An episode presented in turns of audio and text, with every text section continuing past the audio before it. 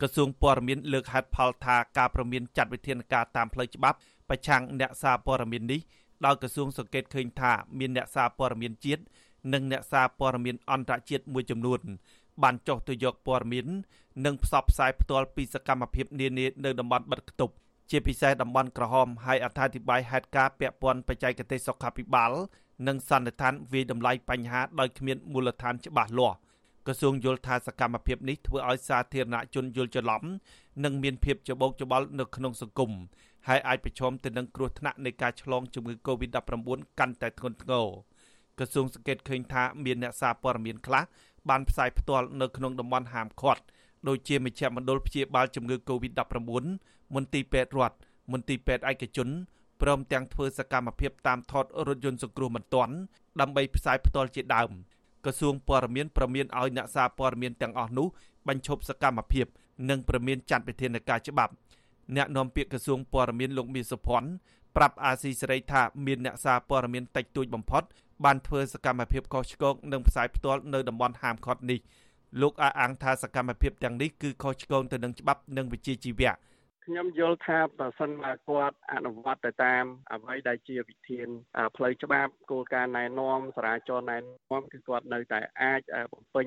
ការងារជាប្រចាំថ្ងៃរបស់គាត់ជាធម្មតាទេចាប់តាំងពីរដ្ឋាភិបាលបិទគប់រាជធានីភ្នំពេញនិងទីក្រុងតាខ្មៅរបស់ខេត្តកណ្ដាលមកមានអ្នកសារព័ត៌មានតិចតួចបំផុតបានចុះទៅថតរូបនិងផ្សាយផ្ទាល់ពីទីតាំងបិទគប់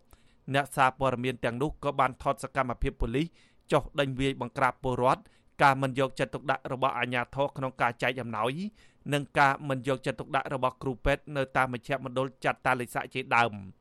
អ្នកសារព័ត៌មានក្នុងស្រុកម្នាក់លោកលេងដេតគាំទ្រចំពោះការមិនអោយផ្សាយផ្ទាល់សកម្មភាពមួយចំនួននៅក្នុងតំបន់បិទគប់ព្រោះប៉ះពាល់ដល់សិទ្ធិរបស់ពលរដ្ឋលោកសង្កេតឃើញថាមានអ្នកសារព័ត៌មានខ្លះបានអត្ថាធិប្បាយគ្មានវិជ្ជាជីវៈពិតមែននិងបានដេញតាមផ្សាយផ្ទាល់បានធ្វើសកម្មភាពប៉ះពាល់ដល់សិទ្ធិបុគ្គល ប៉ុន្តែទោះជាយ៉ាងណាលោកចង់ឲ្យអ្នកសារព័ត៌មានសហការជាមួយអាជ្ញាធរដើម្បីឲ្យមានការផ្សព្វផ្សាយព័ត៌មានពិតជូនពលរដ្ឋអ្នកព័ត៌មានប្រៀបដូចជាមន្ត្រីសម្របសម្រួលមួយចឹងបាទមែនតើទៅអញ្ចឹងដើម្បីបានព័ត៌មានពិតយើងមានប្រភពច្រើនណាស់ដែលយើងត្រូវការយកព័ត៌មានមកផ្សាយមិនមែនចាំបាច់តែយើងដេញតាមឡានរថយន្តពេទ្យឬក៏ដេញតាមសមត្ថកិច្ចឲ្យផ្សាយផ្ទាល់ផ្ទាល់ដើម្បីឲ្យអ្នកមើលឬក៏ជាពលរដ្ឋទស្សនានោះទេ អ្នកជំនាញផ្នែកសារព័ត៌មានក៏សង្កេតឃើញថាមានអ្នកសារព័ត៌មានខ្លះបានអត្ថាធិប្បាយខុសវិជ្ជាជីវៈនិងបង្កឲ្យប្រជាពលរដ្ឋខឹងសម្បានាយកប្រតិបត្តិសម្ព័ន្ធអ្នកសារព័ត៌មានកម្ពុជាលោកណប់វីយល់ថាអ្នកសារព័ត៌មានតិចតួចដែលមិនបានឆ្លងកាត់វគ្គបណ្ដុះបណ្ដាលត្រឹមត្រូវបានបំពេញការងារមានចន្លោះប្រហោងច្រើននៅក្នុងតំបន់បិទគប់តែទោះជាយ៉ាងណាអ្នកជំនាញផ្នែកប្រព័ន្ធផ្សព្វផ្សាយរូបនេះបារម្ភថាការហាមឃាត់អ្នកសារព័ត៌មានមិនឲ្យចូលទៅក្នុងតំបន់ហាមឃាត់ នឹងធ្វើឲ្យបាត់បង់ប្រយោជន៍ពលរដ្ឋលោកណប់វីស្នើសុំឲ្យអាជ្ញាធរអនុញ្ញាតឲ្យអ្នកសារព័ត៌មានដែលឆ្លងកាត់វគ្គបណ្ដុះបណ្ដាលត្រឹមត្រូវនិងមានបច្ចេកទេសការពារជំងឺ Covid-19 អាចធ្វើសកម្មភាពចុះទៅយកព័ត៌មានដោយសេរី